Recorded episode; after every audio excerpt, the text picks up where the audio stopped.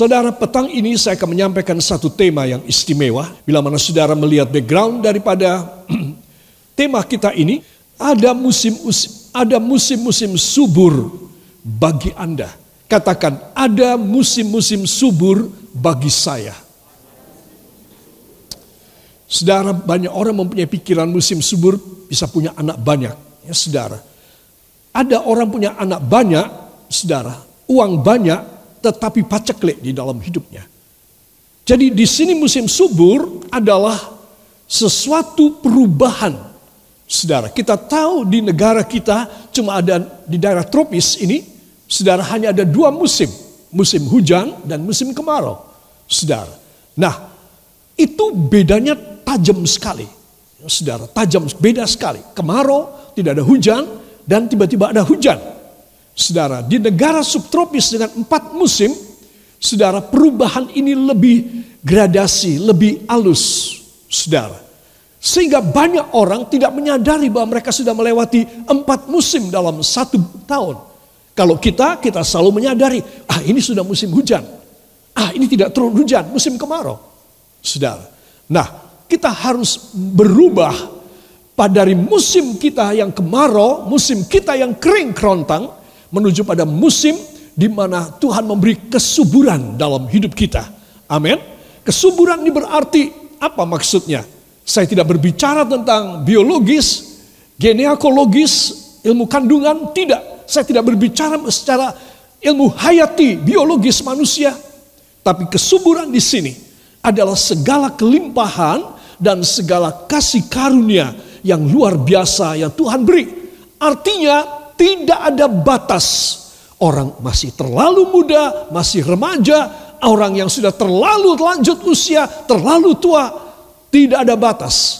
Tuhan mau memberi dengan firman ini pelajaran ini musim-musim subur.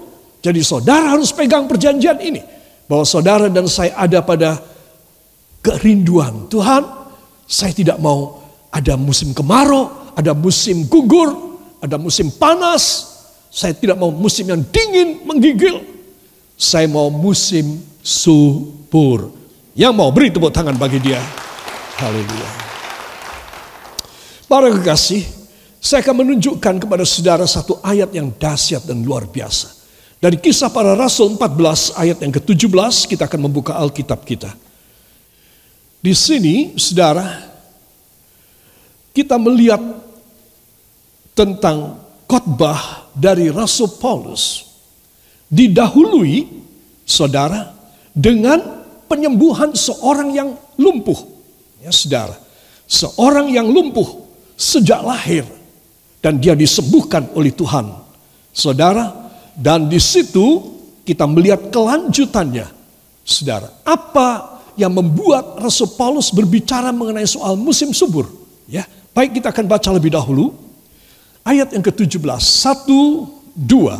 Namun ia bukan tidak menyatakan dirinya dengan berbagai-bagai kebajikan, yaitu dengan menurunkan hujan dari langit dan dengan memberikan musim-musim subur bagi kamu. Ia memuaskan hatimu dengan makanan dan kegembiraan. Amin. Dengan apa? Makanan dan kegembiraan, dia memuaskan hatimu. Saudara. Jadi untuk apa musim subur? Nah, ini dia. Jadi musim subur di sini adalah untuk memuaskan hati kita dan melimpahi kita dengan kegembiraan dan dengan makanan. Sudah tentu bagi ibu-ibu pasangan suami istri yang ingin mendapat anak boleh berharap karena ini merupakan sesuatu yang spesifik dan dan sedikit. Tetapi pada umumnya Tuhan akan memberi kepuasan. Saya yakin kalau saudara meminta, umpama saudara tidak punya anak sama sekali. Saudara memintanya seperti Bapak Abraham dan Ibu Sarai meminta kepada Tuhan supaya mendapat anak. Saudara, itu proses yang panjang sekali. Itu membutuhkan ketekunan, kesabaran, dan mawas diri dan self control yang dahsyat. Pada akhirnya Tuhan memberi. Saya yakin Tuhan bisa memberi seketika setahun kemudian ya saudara akan lahirlah si bayi. Anak dari Abraham dan Sarah. Tetapi itu terjadi begitu lama menanti supaya memberi pelajaran kepada kita orang di akhir zaman. Sehingga kita mau belajar, bertekun bahwa musim subur itu tetap ada. Maksudnya adalah untuk memuaskan saudara dan memberi kebahagiaan, kesukacitaan, dan kelimpahan dalam hidup saudara. Ayo angkat tangan saudara. Dalam nama Yesus. Kisah pasal 14 ayat 17. Saya pegang dengan teguh. Sampai mati. Akan terjadi musim-musim subur. Dan tidak akan pernah terjadi musim kemarau, musim panas, musim gugur, musim kedinginan di dalam hidup saya. Hanya ada satu musim mengalahkan empat macam musim, yaitu musim subur, khusus bagi saya yang mengerti firman ini dalam nama Yesus. Dan kita semua mengaminkan. Amin. Haleluya. Saudara, bila saudara melihat slide ini, mungkin duniawi dan lahiriah kita, duniawi kita dan lahiriah kita, ya saudara, telah subur Umpama banyak anak, banyak uang, keberhasilan, banyak pujian. Saudara, rasanya kita tidak pernah berhenti daripada semua yang baik. Sepertinya kita musim subur, saudara. Tetapi sungguhkah kita subur? Tidak pasti. Ya saudara. Dan boleh saya pastikan adalah tidak mungkin. Orang di luar Kristus dia akan mengalami empat musim atau dua musim dalam hidupnya. Tetapi orang di dalam Kristus hanya memiliki berapa musim saudara? Berapa? Ya, anggukkan kepala ke samping. Mung siji. Musim subur. Amin. Cuma satu, musim subur aja. Saudara sampai di sini bisa menangkap, bisa mengerti. Ya, jadi saudara tidak usah khawatir tentang musim gugur yang didahului dengan musim musim panas, saudara, kemudian dilanjutkan dengan musim dingin, engkau tidak usah khawatir. Engkau cuma punya satu musim, musim subur. Amin.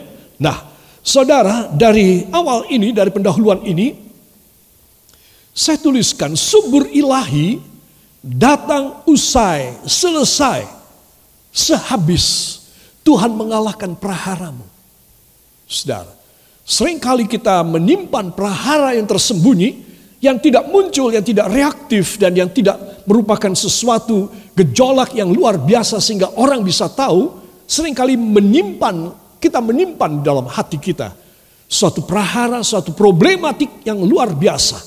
Saudara, orang dengan masalah hatinya tidak bisa mengalami kesuburan ilahi.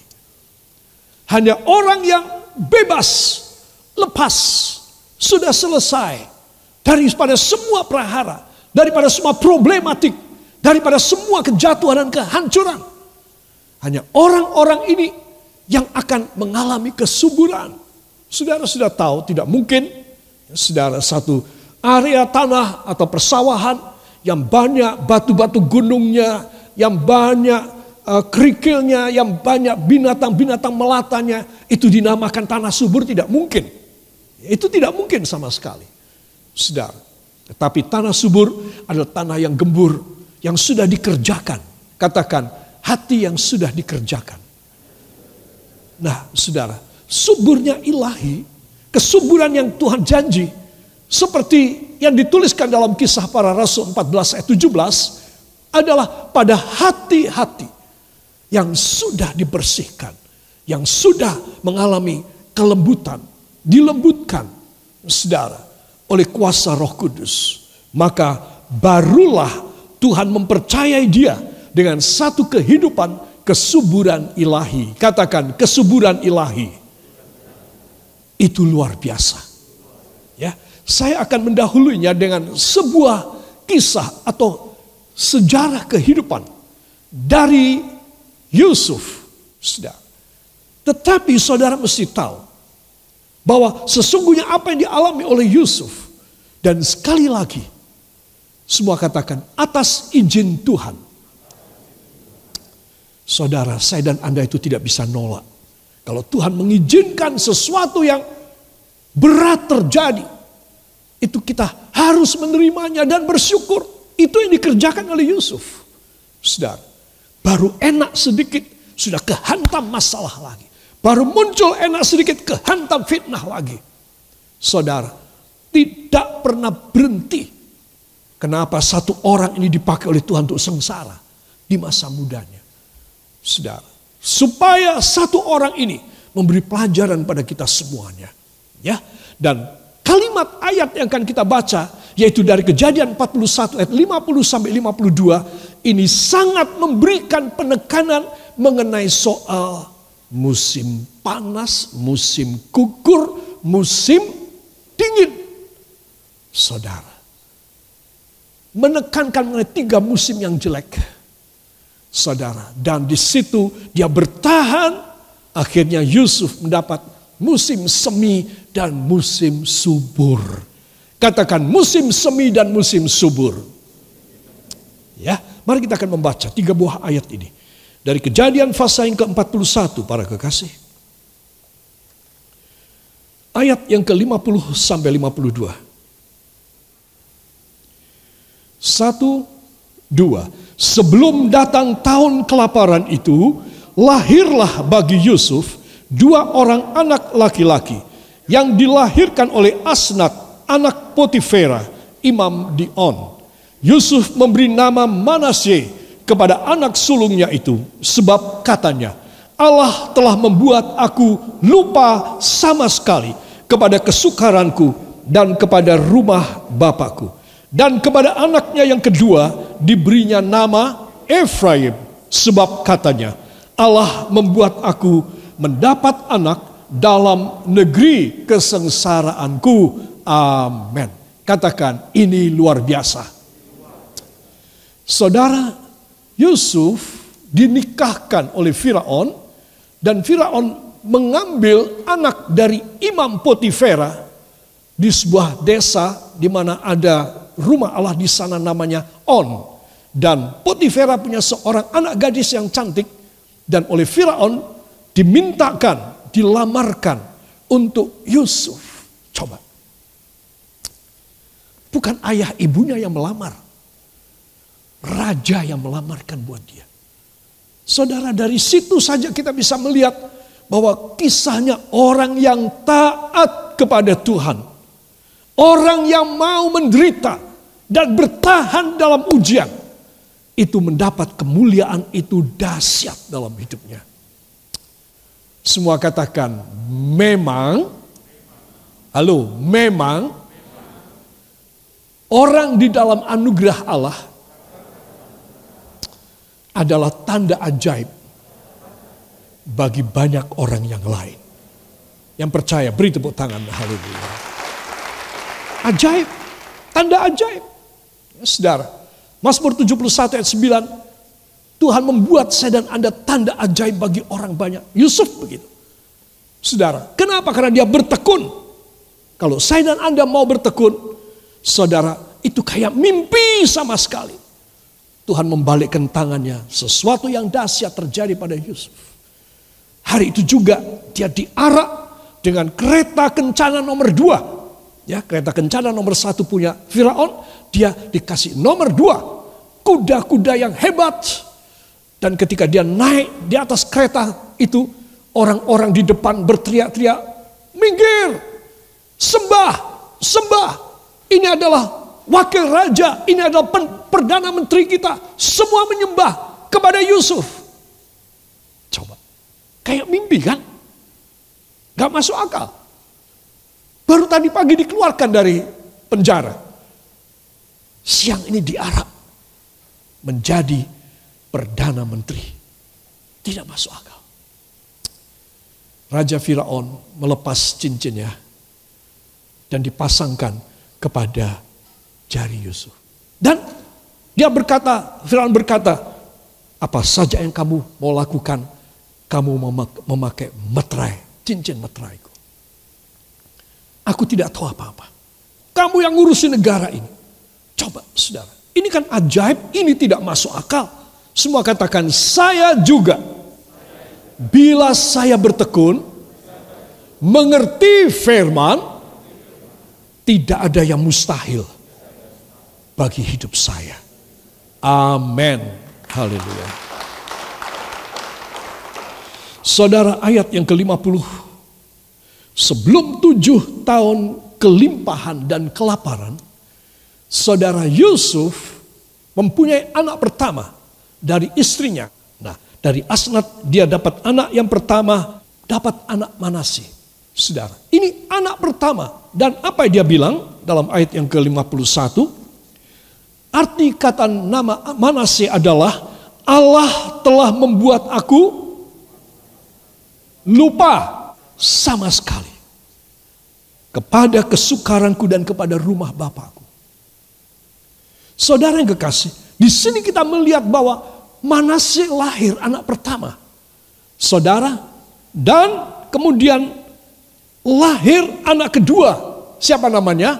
Efraim. Dan apa arti Efraim? Allah membuat aku mendapatkan anak dalam negeri kesengsaraanku. Nanti saya akan jelaskan ada perubahan, perbedaan penerjemahan. Saudara. Nah, saya tuliskan di sini.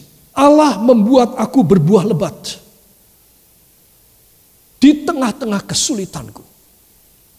Jadi di sini saudara, nomor satu kita harus mempunyai pelajaran tentang mana sih aku melupakan. Katakan saya harus melupakan segala kesukaran yang ada di rumah Bapak dunia saya. Sudah. Apa sih kenang-kenangan pada anak muda ini? Saudara tahu bahwa dia mempunyai kenang-kenangan yang sangat pahit di rumah ayahnya. Walau ayah ibunya paling mencintai dia. Saudara, ayah ibunya memberikan dia, membuatkan baju berapa warna? Tujuh warna. Warna pelangi.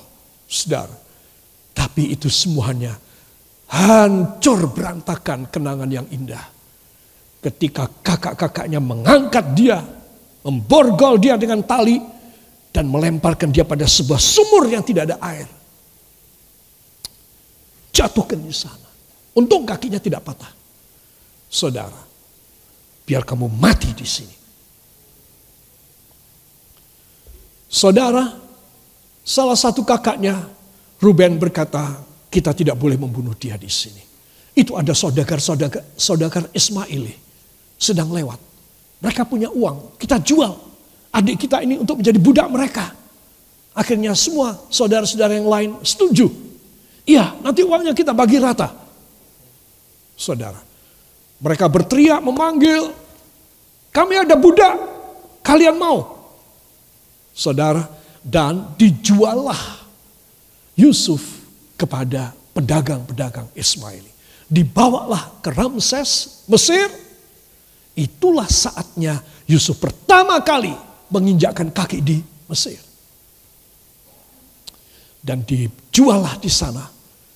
Dan seorang bendahara raja membelinya.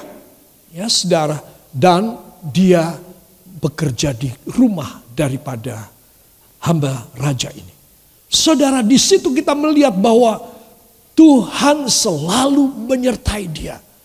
Dia rasanya sudah lega. Eh muncul masalah lagi. Dia difitnah oleh istri dari majikannya. Masuk penjara dia. Saudara, benar-benar sekali dia masuk penjara.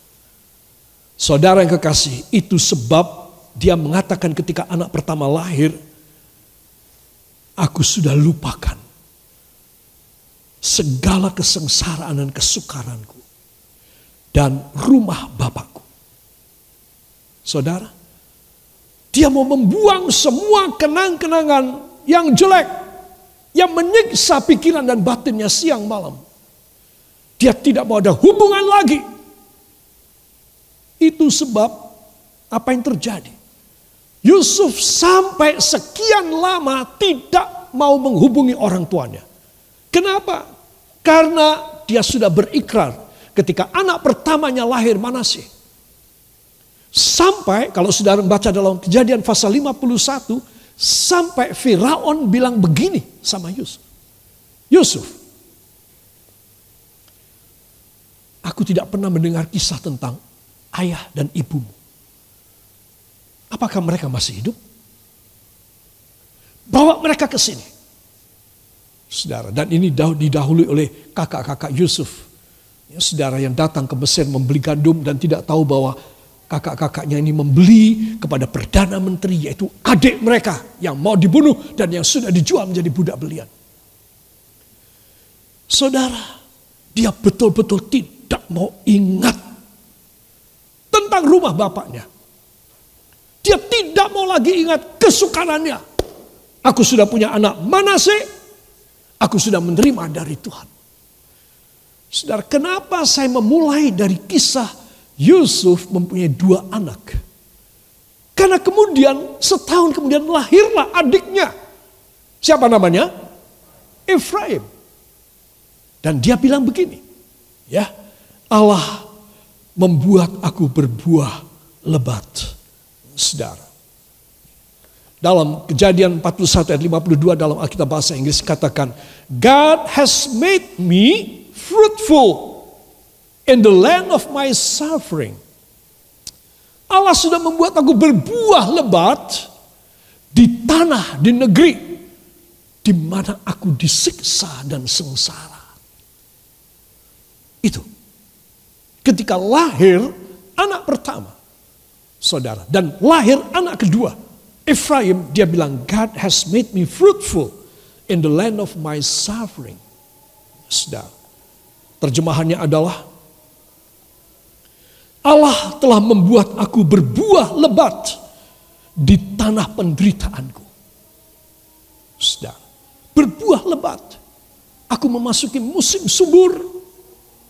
Aku melupakan semua kejadian tragedi dan semua ontran-ontran kebencianku kepada kakak-kakakku, dendam kesumatku, marahku karena sekarang aku adalah perdana menteri Aku bisa kirim pasukan dan menghancurkan semua kakak-kakakku dan menyelamatkan ayah ibuku yang sudah lanjut. Aku bisa. Kalau aku tidak membuang ini pikiran, kesusahan, aku bisa melakukannya pada satu saat.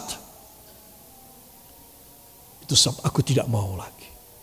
Aku takut kepada Allah Yehova. Aku mau buang semuanya. Jangan sampai itu terjadi.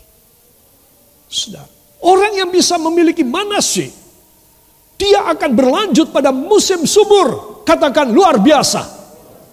Akan terjadi pada saya. Bila saya juga melupakan. Di belakang saya.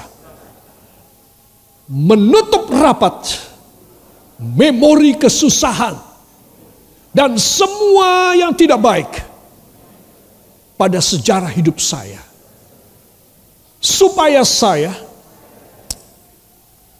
bisa berbuah lebat, menerima musim-musim subur dalam nama Yesus. Amin.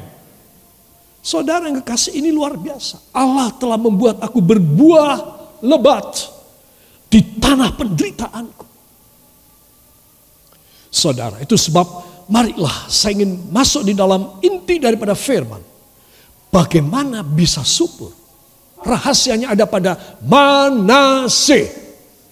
Katakan rahasia saya ada pada Manase. Apakah itu? Apa? Lupakan. Lupakan. Lupakan aja. Sudah, kalau engkau mangkel jengkel ingin engkau tidak terima sudah lupakan saja. Kalau Anda dan saya bisa demikian, berkat Tuhan itu luar biasa. Musim subur yang akan Anda terima dari Tuhan itu dahsyat dan tidak bisa dibendung oleh siapa pun. Beri tepuk tangan bagi dia.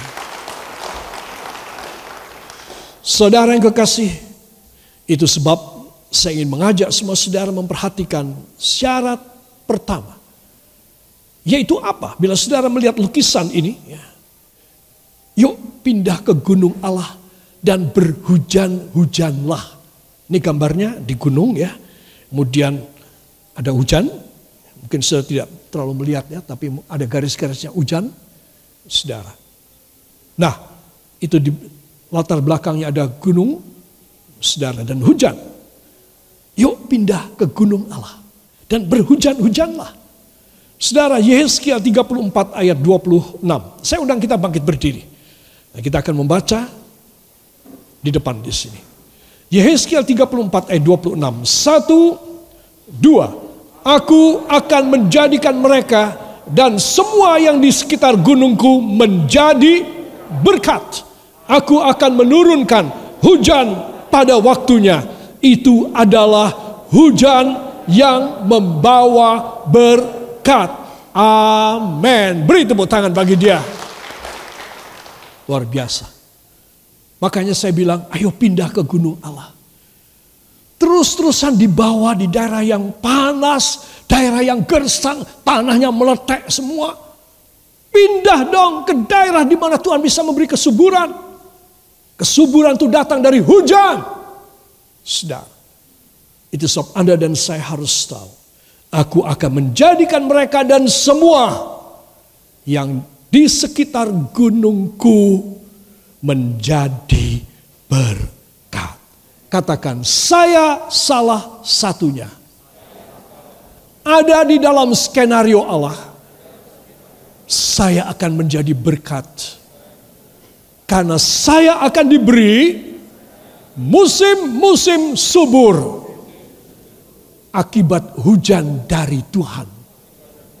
Dalam nama Yesus. Amin. Haleluya. Saudara yang kekasih saya akan tutup di sini. Katakan hujan sehari 24 jam. Halo, hujan sehari 24 jam. Itulah hujan berkat. Seminggu tujuh hari, itulah hujan berkat. 365 hari setahun. Itulah hujan berkat. Beri tepuk tangan bagi dia. Haleluya. Ada tiga aspek yang Tuhan mau beri. Satu, panen dan happiness. Panen, saudara. Panen dan kebahagiaan. Dan nomor dua, hujan berkat. Ya, saudara, jadi bukan hanya panen saja ini. Nomor dua ini, hujan berkat dalam segala aspek hidup kita. Problema-problema dia menyelesaikan, kemustahilan dia jadikan nyata, Tuhan akan memberikan anugerah luar biasa dalam hidup kita. Amin. Dan yang ketiga, mujizat ilahi. Katakan mujizat ilahi. Benar-benar musim subur. Seumur hidup saya. Angkat dua tangan ucapkan terima kasih engkau yang percaya. Terima kasih Tuhan. Kami tahu bahwa ini ilahi ini bukan duniawi dan ini bukan manusiawi, ini ilahi.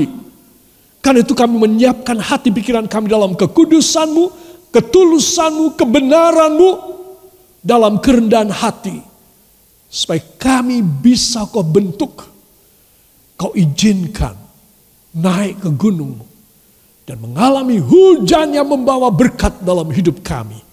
Di masa paceklik dari pandemi ini hanya di dalam nama Tuhan Yesus Kristus, Juru Selamat dan Penebus kami. Dan kita semua mengaminkan. Amin. Beri kemuliaan yang baik bagi dia.